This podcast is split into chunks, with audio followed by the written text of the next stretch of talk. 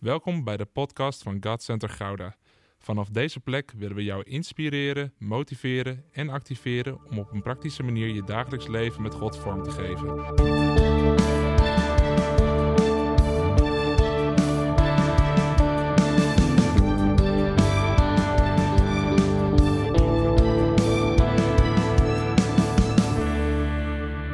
Mooi om hier vanochtend bij jullie te mogen zijn. Eh, heel bijzonder zo deze dienst mee te maken. Ook de muziek en de bidding vond ik echt eh, indrukwekkend, prachtig mooi. En eh, ja, Jeroen, dank ook voor de uitnodiging en Petra. En ik ben hier ook, eh, denk ik ongeveer een jaar geleden geweest op een eh soort de discipelschapsschool. Ik ook eh, ja, heel gaaf dat zoveel mensen zaterdagen apart zetten om onderwijs te ontvangen, om te trainen. Dus een bijzondere kerk zijn jullie hier met elkaar. En eh, ik kom uit Zwolle zelf. Daar eh, woon ik met mijn gezin. Vier kids, waarvan de oudste twee inmiddels studeren. Dus eh, ik was ook één keer jong, net zoals eh, Jeroen. Maar eh, ik vind het heel mooi deze ochtend hier met jullie het woord te mogen openen. En het is vandaag eerste advent, dus ik wil met jullie graag lezen uit het kerstevangelie. Als je Matthäus wil openen, Matthäus 1,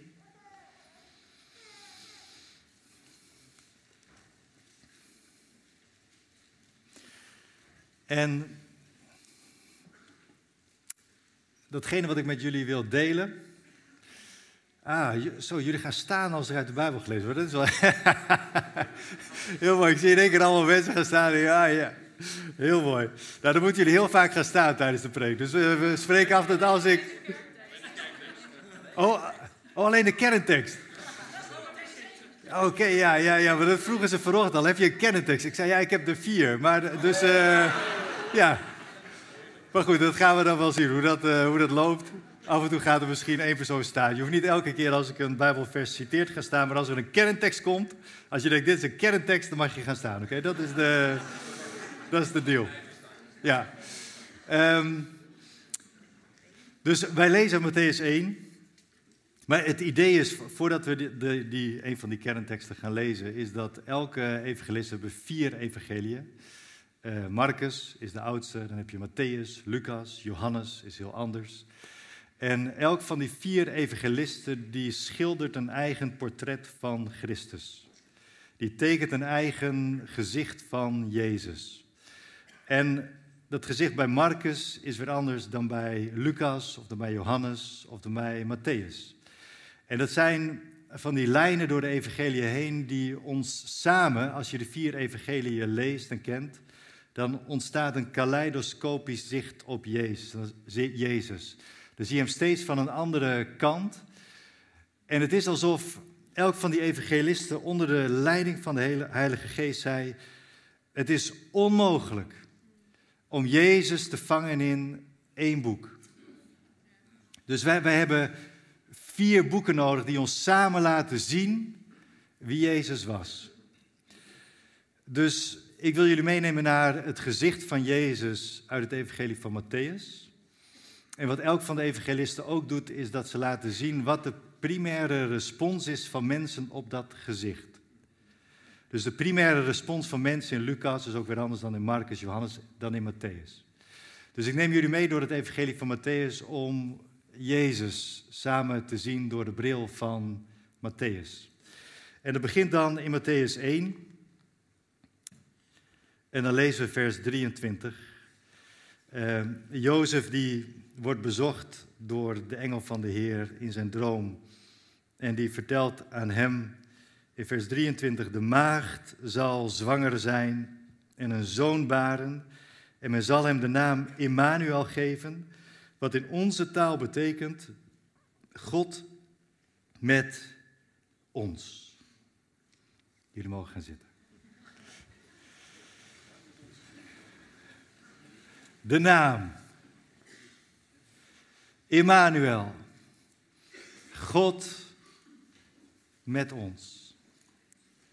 Het is God onder ons. En die naam die hier in Matthäus 1 wordt geopenbaard aan Jozef, dat is een hele oude naam van God. Het is een naam die zingt over de pagina's van de Bijbel heen. Het is een naam die door de eeuwen heen steeds weer is opgedoken in die geschiedenis van God met zijn volk. Een van de eerste keren bijvoorbeeld is als Jacob daar ligt in de woestijn. Helemaal alleen, want hij heeft zijn broer verraden en hij moet vluchten voor zijn leven. En als je daar ligt en slaapt, dan is daar een ladder. En bovenaan die ladder is daar God. En God die geeft hem geweldige beloften over nageslacht en over gebied.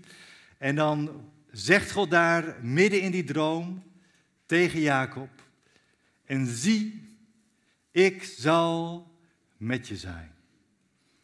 Want jij bent nu alleen en bang en je weet niet hoe het allemaal zal gaan, maar ik zal bij je zijn. En als we kijken in Psalm 23, de Heere is mijn herder, die schitterende psalm van David. Dan lezen we daar midden in die psalm, zelfs al ga ik door een donker dal van diepe duisternis, ik vrees geen kwaad, want gij zijt bij mij. Immanuel. God zal bij ons zijn in onze duisternis, in de korte dagen van november en december. Als het leven het licht nauwelijks meer laat zien, als je niet weet hoe je verder moet, ik zal bij je zijn. Het is het woord dat hij sprak aan Jeremia. Toen Jeremia werd geroepen als een profeet, om een burg te zijn te midden van zijn volk, om een vestingstad te zijn en het volk onheil aan te kondigen omdat het gezondigd had. Dan spreekt God daar tegen Jeremia. Mensen zullen tegen jou opstaan. De koningen en de leiders, de priesters en heel het volk. Zij zullen jou bestrijden, maar je niet kunnen verslaan.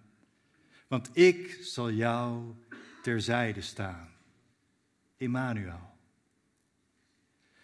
Dus deze naam van Jezus is geen nieuwe naam. Het is een hele oude naam. Het is een centrale naam van God door de eeuwen heen. God met ons. En Jezus zal die naam laten zien. Jezus zal die naam leven. Jezus is die naam. God met ons. En in zijn evangelie werkt Matthäus die naam dan uit. En hij laat op verschillende plekken in zijn evangelie die naam boven de oppervlakte komen om ons te laten zien. Hoe werkt die naam dan? En waar is die naam dan? En als het betekent, Immanuel, God met ons en ik wil dicht bij God zijn, waar kan ik me dan naartoe manoeuvreren om er dichtbij te zijn? Want als ik wil zijn waar Jezus is, dan moet ik maar weten, weten waar hij is. En de eerste keer dat die naam aan de oppervlakte komt, is in Matthäus 18, waar Jezus dan spreekt, zo'n overbekende tekst. Want waar twee of drie mensen in mijn naam vergaderd zijn, daar ben ik in hun midden. En daar staat letterlijk hetzelfde woord weer. Daar ben ik Emmanuel. Daar zal ik zijn. En dat is een van de bijzondere dingen ook van zo'n samenkomst als hier, waar we met veel meer dan twee of drie mensen bij elkaar zijn. Maar dat is een van de wonderen van kerk zijn, dat het geheel zoveel meer is dan de som van de delen dat wat hier is zoveel meer is dan een verzameling van mensen die samenkomen en dezelfde teksten zingen en dezelfde cultuur delen en eenzelfde soort dingen geloven, maar dat de kern van wat dit, dit maakt, is dat Jezus hier is, Immanuel. En dat hetgene wat jouw hart beroert en wat je weer kracht geeft voor een nieuwe week en wat je helpt om dat geloof weer iets dieper te laten landen, dat het niet zozeer te maken heeft met alles wat we hier doen, maar dat het te maken heeft met degene die hier onder ons is. En dat is wat hij zegt hier in Matthäus 18, waar twee of drie mensen in mijn naam zijn. Daar is alles anders. Want daar ben ik. En dat geldt hier in Gouden, maar dat geldt ook in de kampen in Noord-Korea waar gevangenen stiekem s'nachts naar het toilet gaan. Omdat ze dan weten dat er in de vrieskou in het toilet naast hun ook één andere gelovige is. En dat ze daar via de toiletbuis kerk kunnen zijn. En Christus is daar in dat toilet.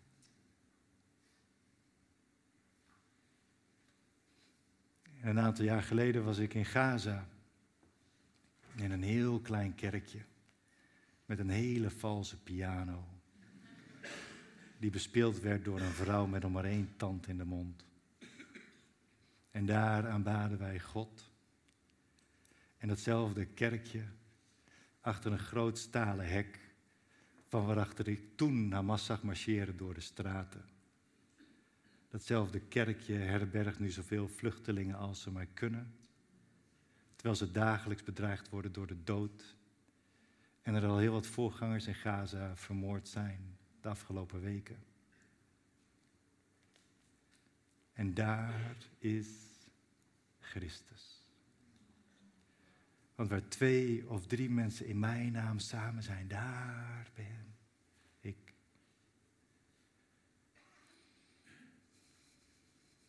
Alsof je nou samenkomt in een huiskamer met een paar gelovigen.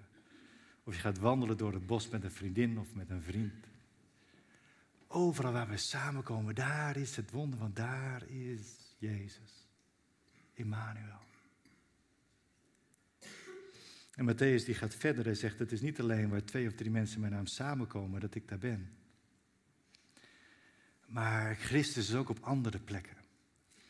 En een belangrijk hoofdstuk daarin is Matthäus 25, waar Jezus zegt, ik had honger en jullie gaven mij te eten. Ik had dorst en jullie gaven mij te drinken. Ik zat gevangen en jullie kwamen bij mij op bezoek. Ik was een vreemdeling, maar jullie hebben mij uitgenodigd. Ik was naakt en jullie hebben mij gekleed. En dan vertelt Jezus en dan komen de mensen bij mij. En ze vragen maar, Heer, wanneer hebben wij u hongerig gezien en dorstig? Wanneer naakt of gevangen? Wanneer is dat dan allemaal gebeurd? En dan spreekt Jezus in Matthäus 25, vers 40. De koning zal een antwoorden. Ik verzeker jullie, alles wat jullie gedaan hebben voor een van de onaanzienlijkste van mijn broeders of zusters, dat hebben jullie voor mij gedaan. Want ik was daar. Bij die hongerige. Dat was ik. Want ik was daar. Bij die dorstende. Dat was ik. Want ik was daar. Het is een van die grote mysteries van het leven. Dat wanneer wij denken aan de leidenden van planeet Aarde. Dat overal waar wij mensen zien die het verliezen van het leven Overal waar mensen niet meer mee kunnen komen, waar ze vermalen dreigen te worden door het systeem. Dat Jezus zegt, ja maar daar, daar ben ik.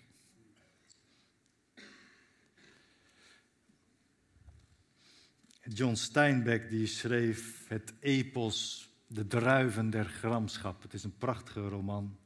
Ik zal iets moois wel lezen in de kerstvakantie. Over de jaren 30 van de vorige eeuw in Amerika. Toen de tractoren de kleine boeren verdreven van hun landerijen. En die boeren massaal trokken naar het westen, naar Californië.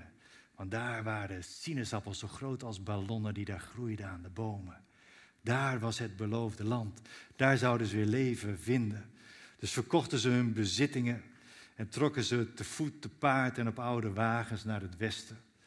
Om van de regen te komen in de drup en als moderne slaven daar hun leven en hun diensten te verkopen voor niets.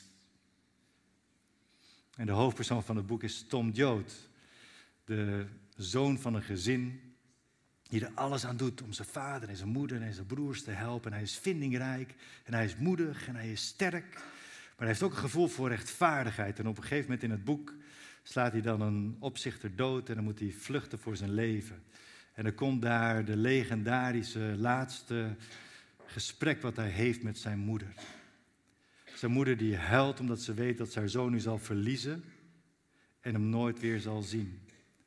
En dan zegt Tom tegen haar: Mama, wees niet verdrietig, want je zult mij weer zien. Ja, overal waar je agenten, onschuldige mensen in elkaar ziet slaan, daar ben ik. Overal waar je kinderen huilend van de honger in slaap ziet vallen, mama, daar ben ik. Overal waar je mensen ziet verliezen van het leven, mama, daar ben ik. Is dit gesprek dat Bruce Springsteen heeft vereeuwigd in zijn lied The Ghost of Tom Joad. Met een fantastische gitaarsolo van Tom Morello van Rage Against the Machine. Dat is voor vanmiddag. Maar dat idee, dat waar de mensen verliezen van het leven, mama, daar ben ik. Waar mensen vandaag de dag dwalen door de woestijn als vluchteling. Mama, daar ben ik. Waar mensen gevangen zitten in de tunnels van Gaza. Mama, daar ben ik. Waar mensen niet weten hoe ze verder moeten, misschien dichtbij hier in Gouda, waar ze vastzitten op hun fletjes. Mama, daar ben ik. Het is het wonder van de nabijheid van Christus bij de leidenden. Wat betekent dat als ik dicht bij Jezus wil zijn die bij ons is, laat mij dan bij de leidende zijn. Wil je Christus vinden? Ga naar hen die honger lijden. Wil je Christus vinden? Ga naar hen die vastzitten. Wil je Christus vinden? Bevriend dan een vluchteling. Want daar ben ik Emmanuel. En Matthäus die gaat door. Hij zegt, Christus is niet alleen bij ons als wij samenkomen in zijn naam. Christus is niet alleen bij de leidenden, excuus. Maar Christus is ook, en dan gaan we naar het slot van Matthäus, Matthäus 28. Christus is ook bij al die mensen die de grote opdracht. Ja, heel goed.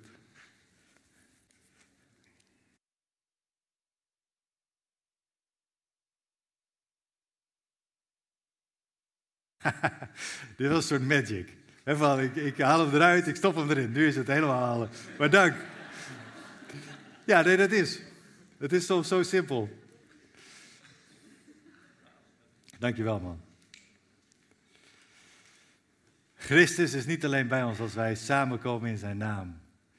Hij is niet alleen bij de leidenden, maar hij is ook bij ons wanneer wij de grote opdracht serieus nemen. Het laatste stuk van Matthäus, in Matthäus 28. We lezen vers 18, die overbekende woorden.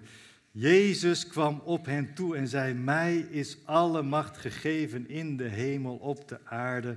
Ga dus op weg. Maak alle volken tot mijn leerlingen, door hen te dopen in de naam van Vader, Zoon en Heilige Geest. Hen te leren dat zij zich moeten houden aan alles wat ik jullie opgedragen heb. En houd dit voor ogen.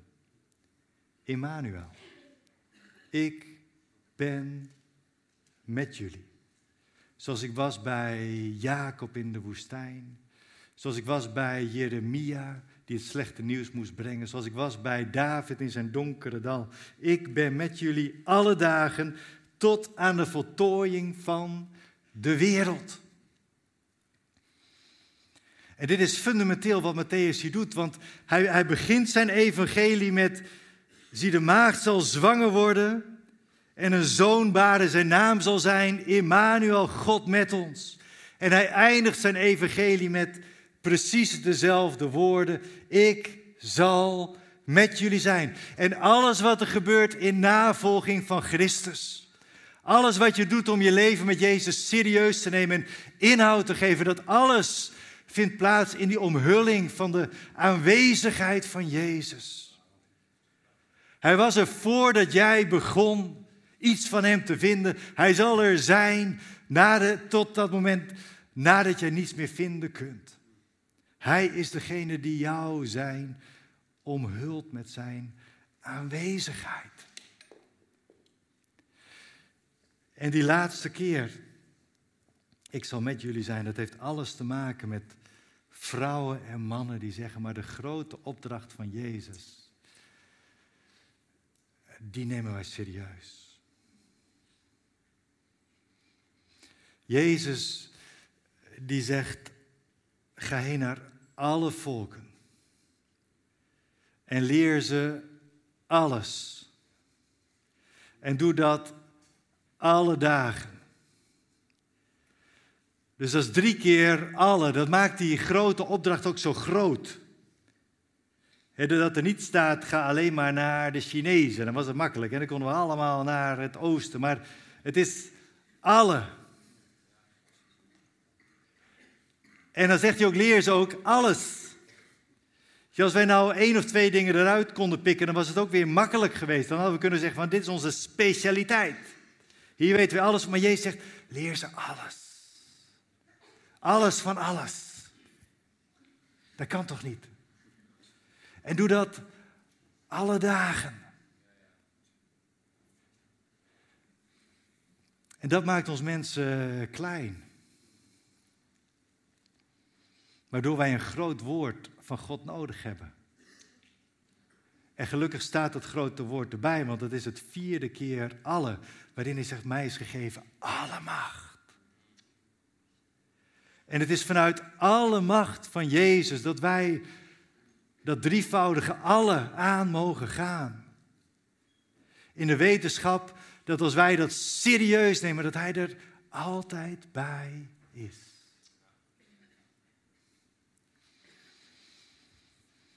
Jezus is Immanuel.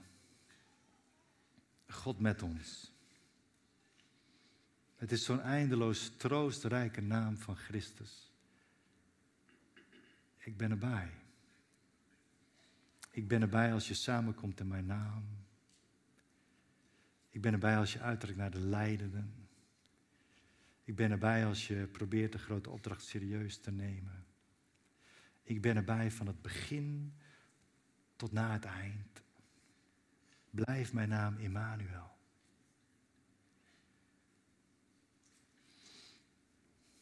En mijn vraag aan jou deze ochtend is dat, als, als dat nou de naam is van Jezus, Immanuel, als dat het gelaat is van Christus dat we mogen zien,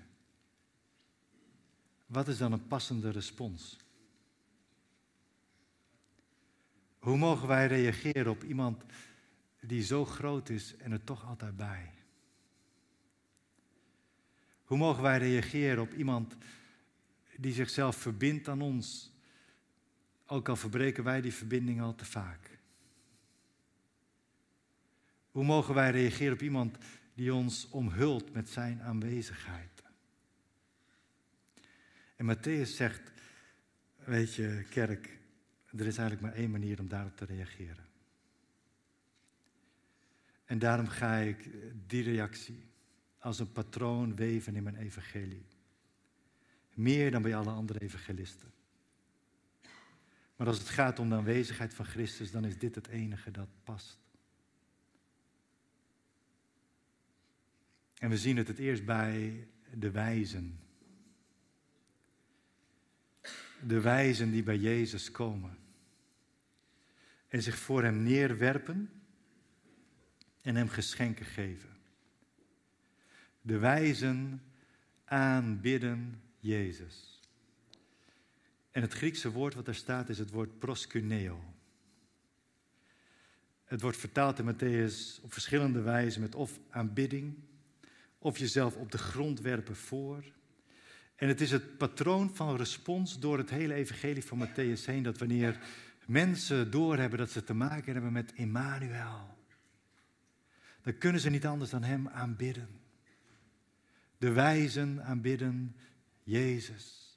De heidense hoofdman aanbidt Jezus. De discipelen aanbidden Jezus. Mensen die genezing ontvangen aanbidden Jezus. Het is zelfs aan het eind van het evangelie dat als ze komen bij de berg waar Jezus uitgenodigd heeft, dat er staat sommigen die twijfelden, maar anderen aanbaden Jezus. In het hart van het evangelie staat één verhaal van een vrouw. Een heidense vrouw. Met een groot probleem. Haar dochter is deerlijk bezeten door een demon. En ze lijdt aan het lijden van haar dochter, zoals alleen moeders dat kunnen. En ze komt bij Jezus. En ze smeekt om hulp. Ze wordt afgewezen. En er staat er in het verhaal. En de vrouw trad naderbij. En proscuneo zei: Heer, help mij. En dan zegt Jezus, het is niet goed om het brood van de kinderen te nemen en dat te voeren aan de honden. Dat is apart. Maar dat beeld van proscuneo. Zie, wij hebben ook beelden van aanbidding in ons hoofd. We zijn deze dienst begonnen met aanbidding, dus je kunt aan aanbidding denken als wat we zongen. Ik aanbid Christus. Maar het beeld van proscuneo, dat is een beeld dat beweegt naar beneden. Het is letterlijk het beeld van een hond die zich klein maakt voor zijn meester. Het beeld van, van kruipen als een hond. Het besef hebben dat je in de tegenwoordigheid komt van zoiets machtigs, zoiets groots, dat jou niets anders rest dan jou zo klein en onderdanig maken als het maar kan. En een van die opvallende zaken in het Evangelie van Matthäus is dat die aanbidding regelmatig gebeurt door mensen van buiten, door heidenen. Waar de Joden zeiden: Wij hebben ons volk en de Torah, de wet van God, is als een hek om het volk heen gezet. Dat is voor binnen, niet voor buiten. Maar er waren van tijd tot tijd heidenen die zich zo klein maakten als een hond. Zo klein dat ze onder het hek door konden kruipen. En zo toch in de periferie van God konden komen.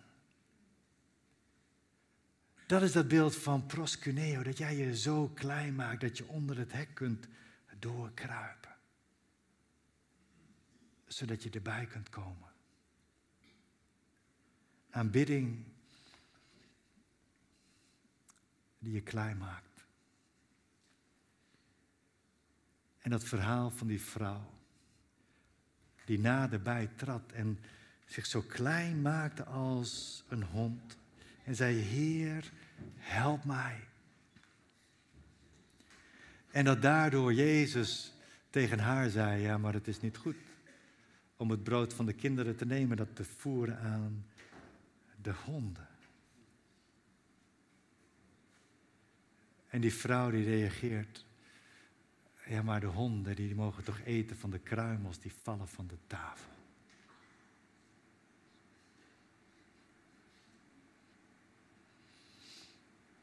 Als Christus Immanuel is als het wonder van kerst is dat Jezus vanaf dat moment altijd dicht bij hen is die samenkomen in zijn naam. Dicht bij hen die uitreiken naar de lijdenen. Dicht bij hen die de grote opdracht serieus nemen. Als zijn aanwezigheid het hele evangelie omvat, omhult. God met ons. De waarheid is van voor het begin tot na het eind van hoofdstuk 1 tot 28. Oh, laten wij Hem dan aanbidden.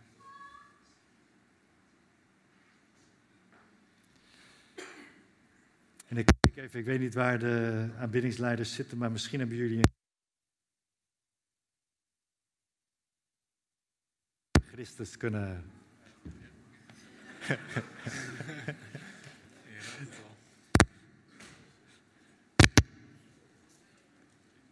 Ah.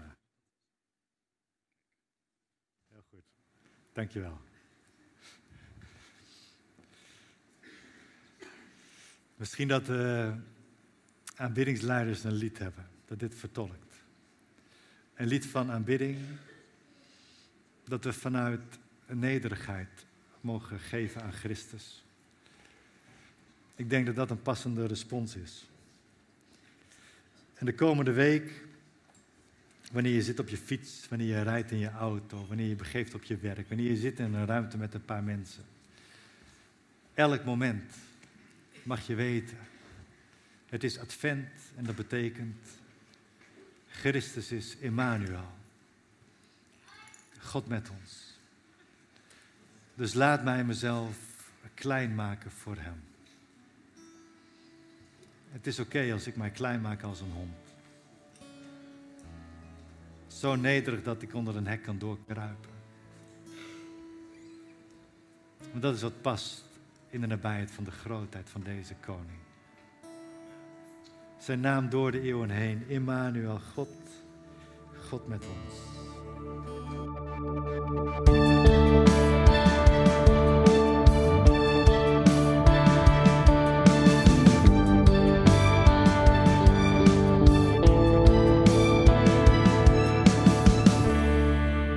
Het luisteren naar deze podcast. Volg ons op onze kanalen om verbonden te blijven. Heeft deze aflevering jou geraakt? Deel dan op je socials en tag ons, zodat we samen meer mensen kunnen bereiken.